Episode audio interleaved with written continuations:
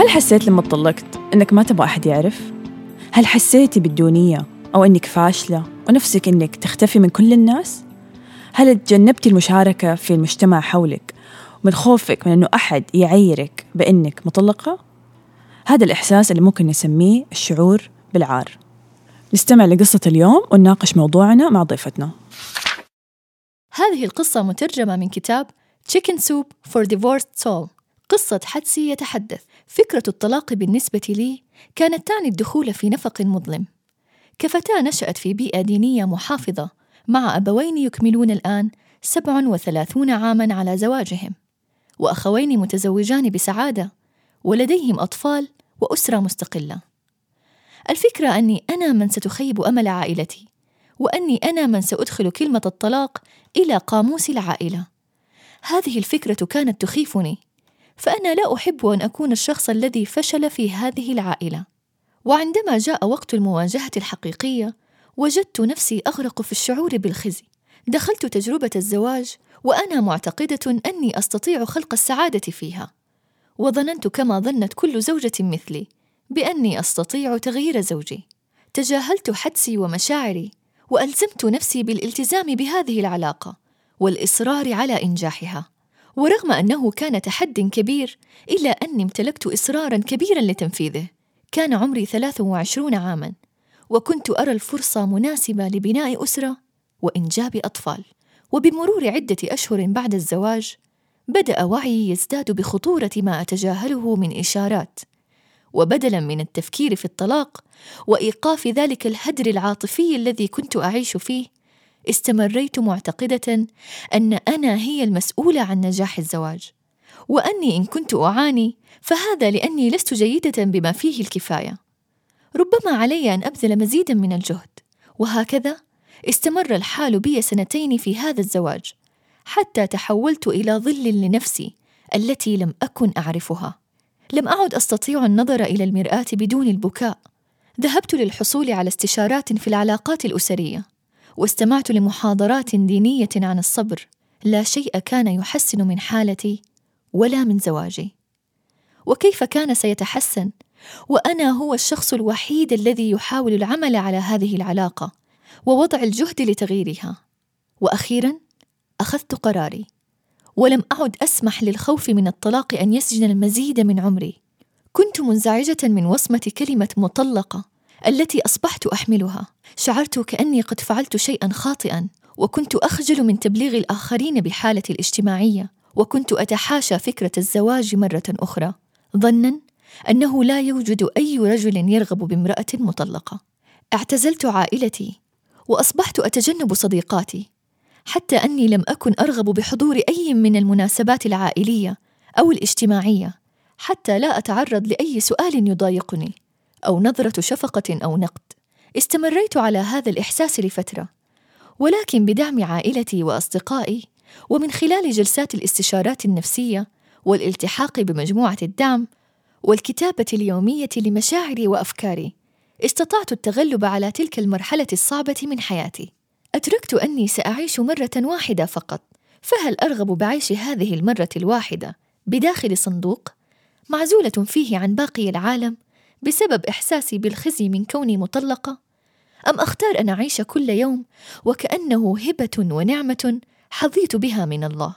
كبشر نحن دائما نقلق من تخييب آمال الآخرين، وذلك يمنعنا من فعل ما نعتقد أنه الأنفع لنا شعورنا بالخزي وبالخوف مما قد يحكم علينا به الناس هو العائق الأكبر للعيش بسعادة وراحة بال ضيفتنا اليوم هي روزانا البنوي.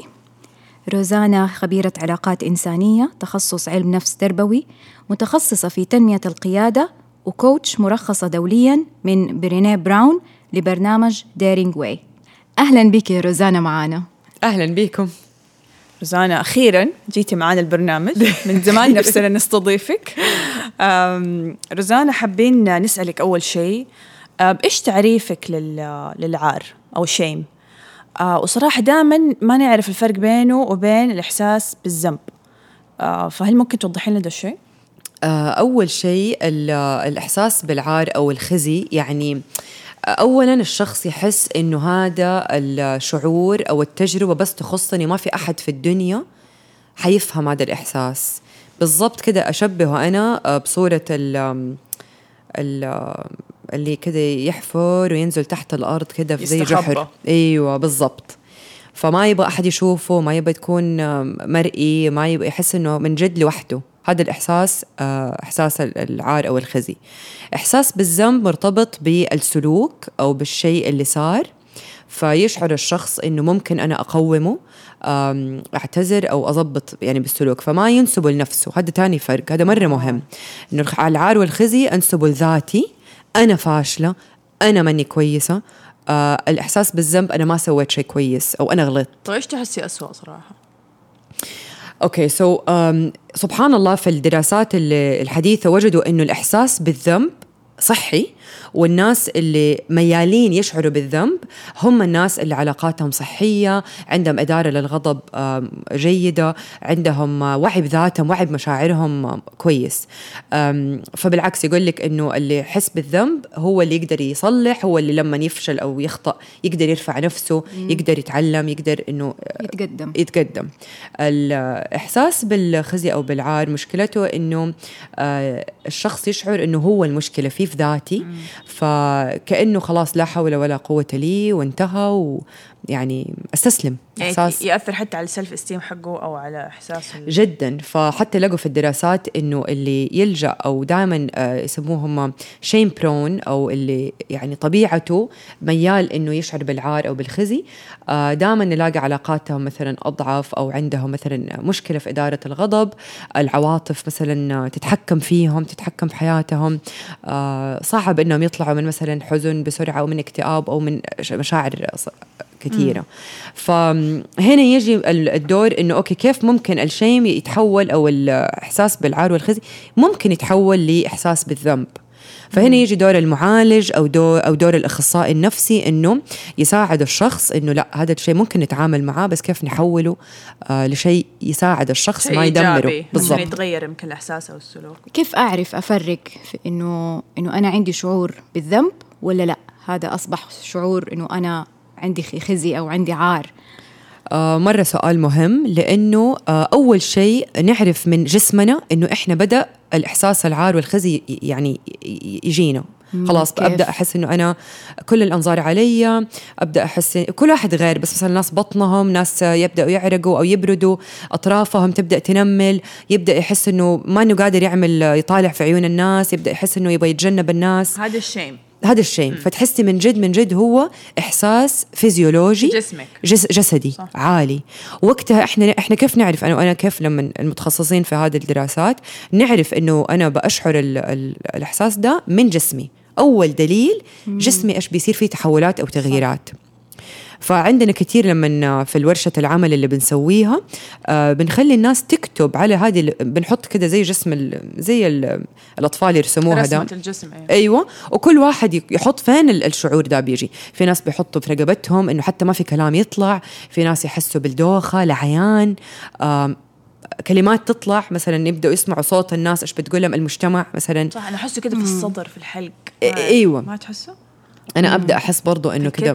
لازم أهرب لازم أيوة. أخرج كده أيوه أيوة. أو إنه يتجنب يطلع في المناسبات الاجتماعية ممكن أو بالضبط. يتجنب يعني يشوفوا الناس وكذا طيب بس الإحساس بالذنب الإحساس بالذنب يجي إنه آه طب يا الله أنا مثلا ما, ما, كان قصدي أقول دي الكلمة ترى بس مو قصدي كده كده ترى قصدي كده خلاص تبداي تحسي إنه الوعي والفكرة ما هو آه، جسدي okay.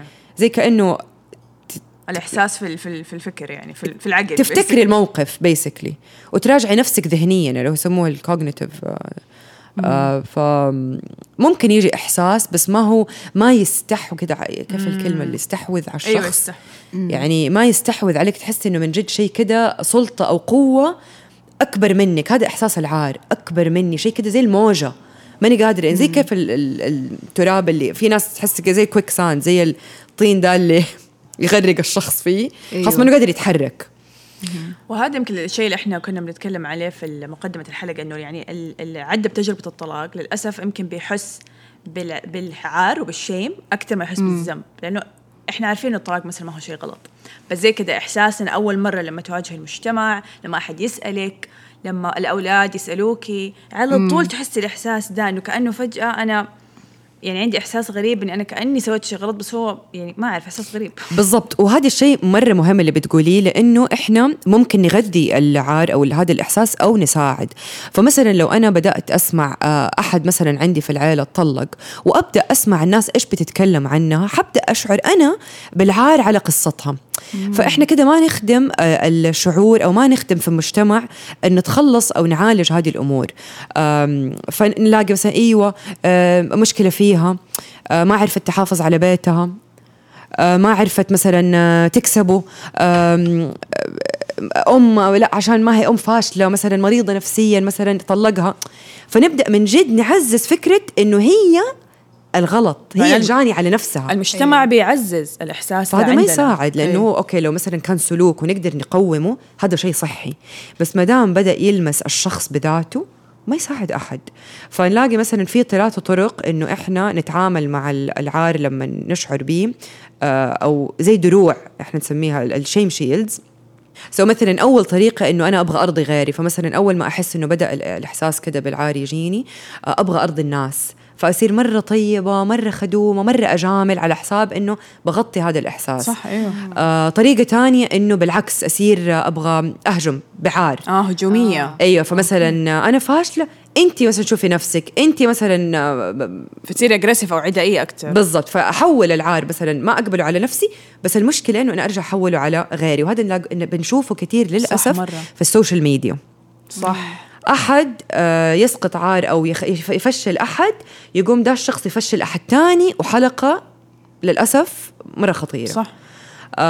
في المدرسة لما نلاقي التنمر آه، طفل مثلا يقول له أنت دب لا أنت غبي لا أنت أبله لا يبدأوا عاد حلقة برضو مرة. الشيء الثالث إنه آه، يتجنب. يختفي. ما يظهر ما يبي يشوف أحد ما يبي يتكلم حتى الشخص اللي سبب له العار يصير ما يقدر يواجهه.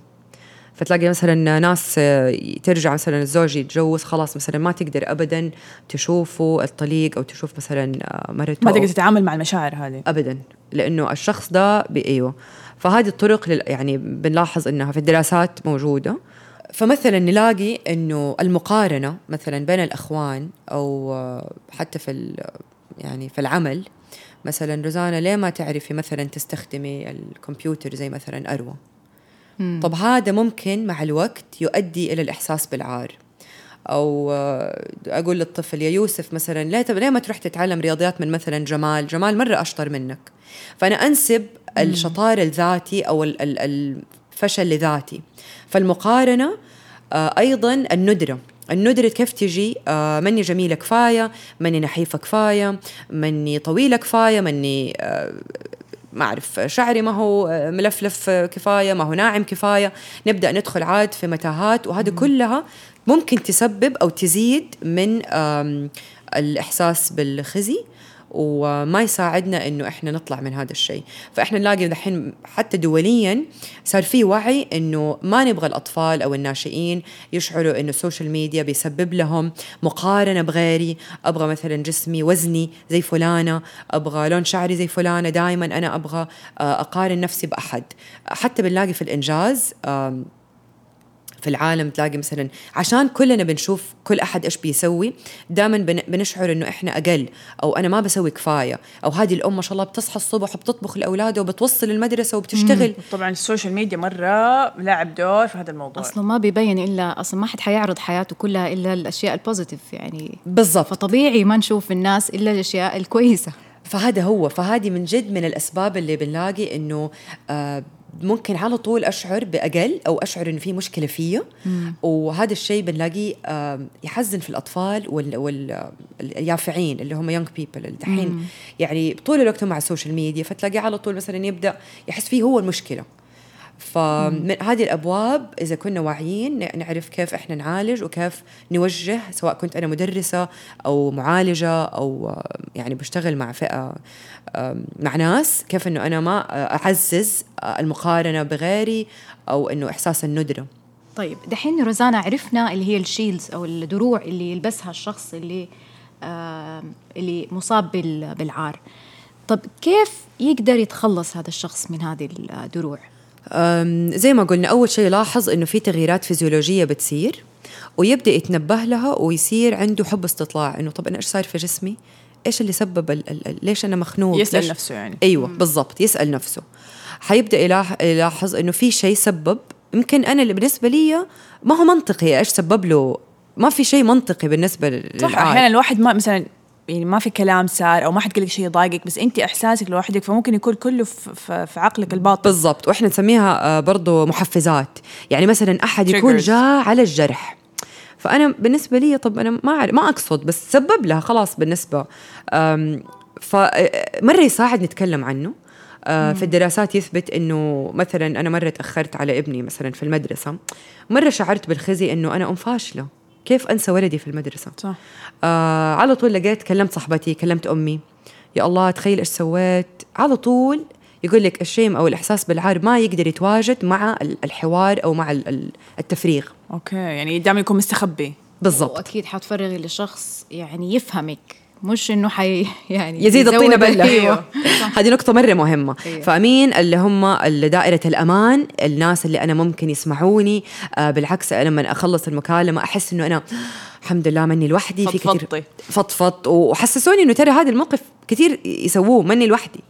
آه فشالوا مني الإحساس إنه أنا الوحيدة في العالم اللي أحس, أحس بالخزي.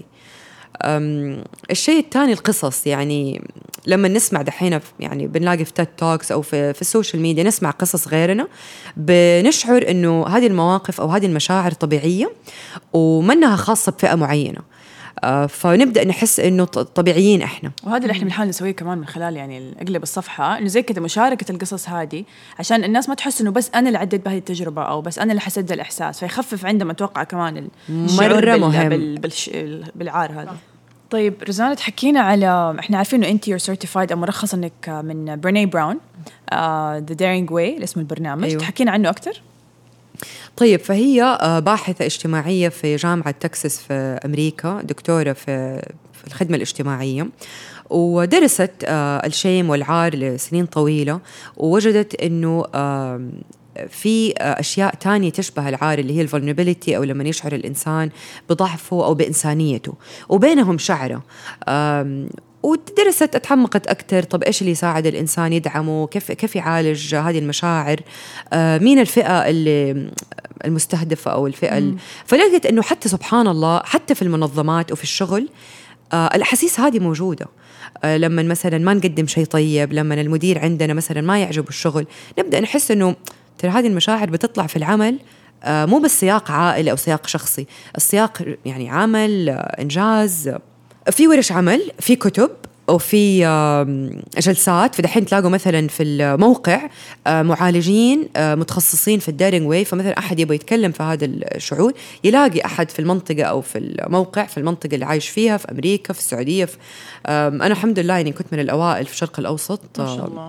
فالحمد لله يعني بس على تواصل فصار زي كأنه طريقة علاج أو زي ما تقولي آه، من من الأدوات العلاجية اللي دحين في في علم النفس الحديث. آه، وزي ما قلت لك ممكن السياق هذا يكون يعني علاج آه، نفسي بس ممكن كمان يطبق يعني أنا متخصص الآن في تنمية المنظمات أو ال organizational development وكيف نقدر إنه إحنا نستخدم هذه اللغة بيننا وبين بعض مو بس في يعني مع شخ أشخاص لا حتى مع آه، عمل أو مع فريق العمل.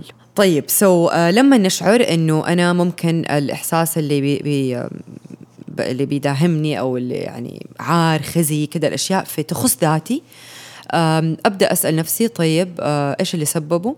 أتكلم مع أحد so ألاقي دعم أتكلم آه، افرغ آه، ما أخلي الأسرار الأسرار مره تزيد الإحساس بالعار.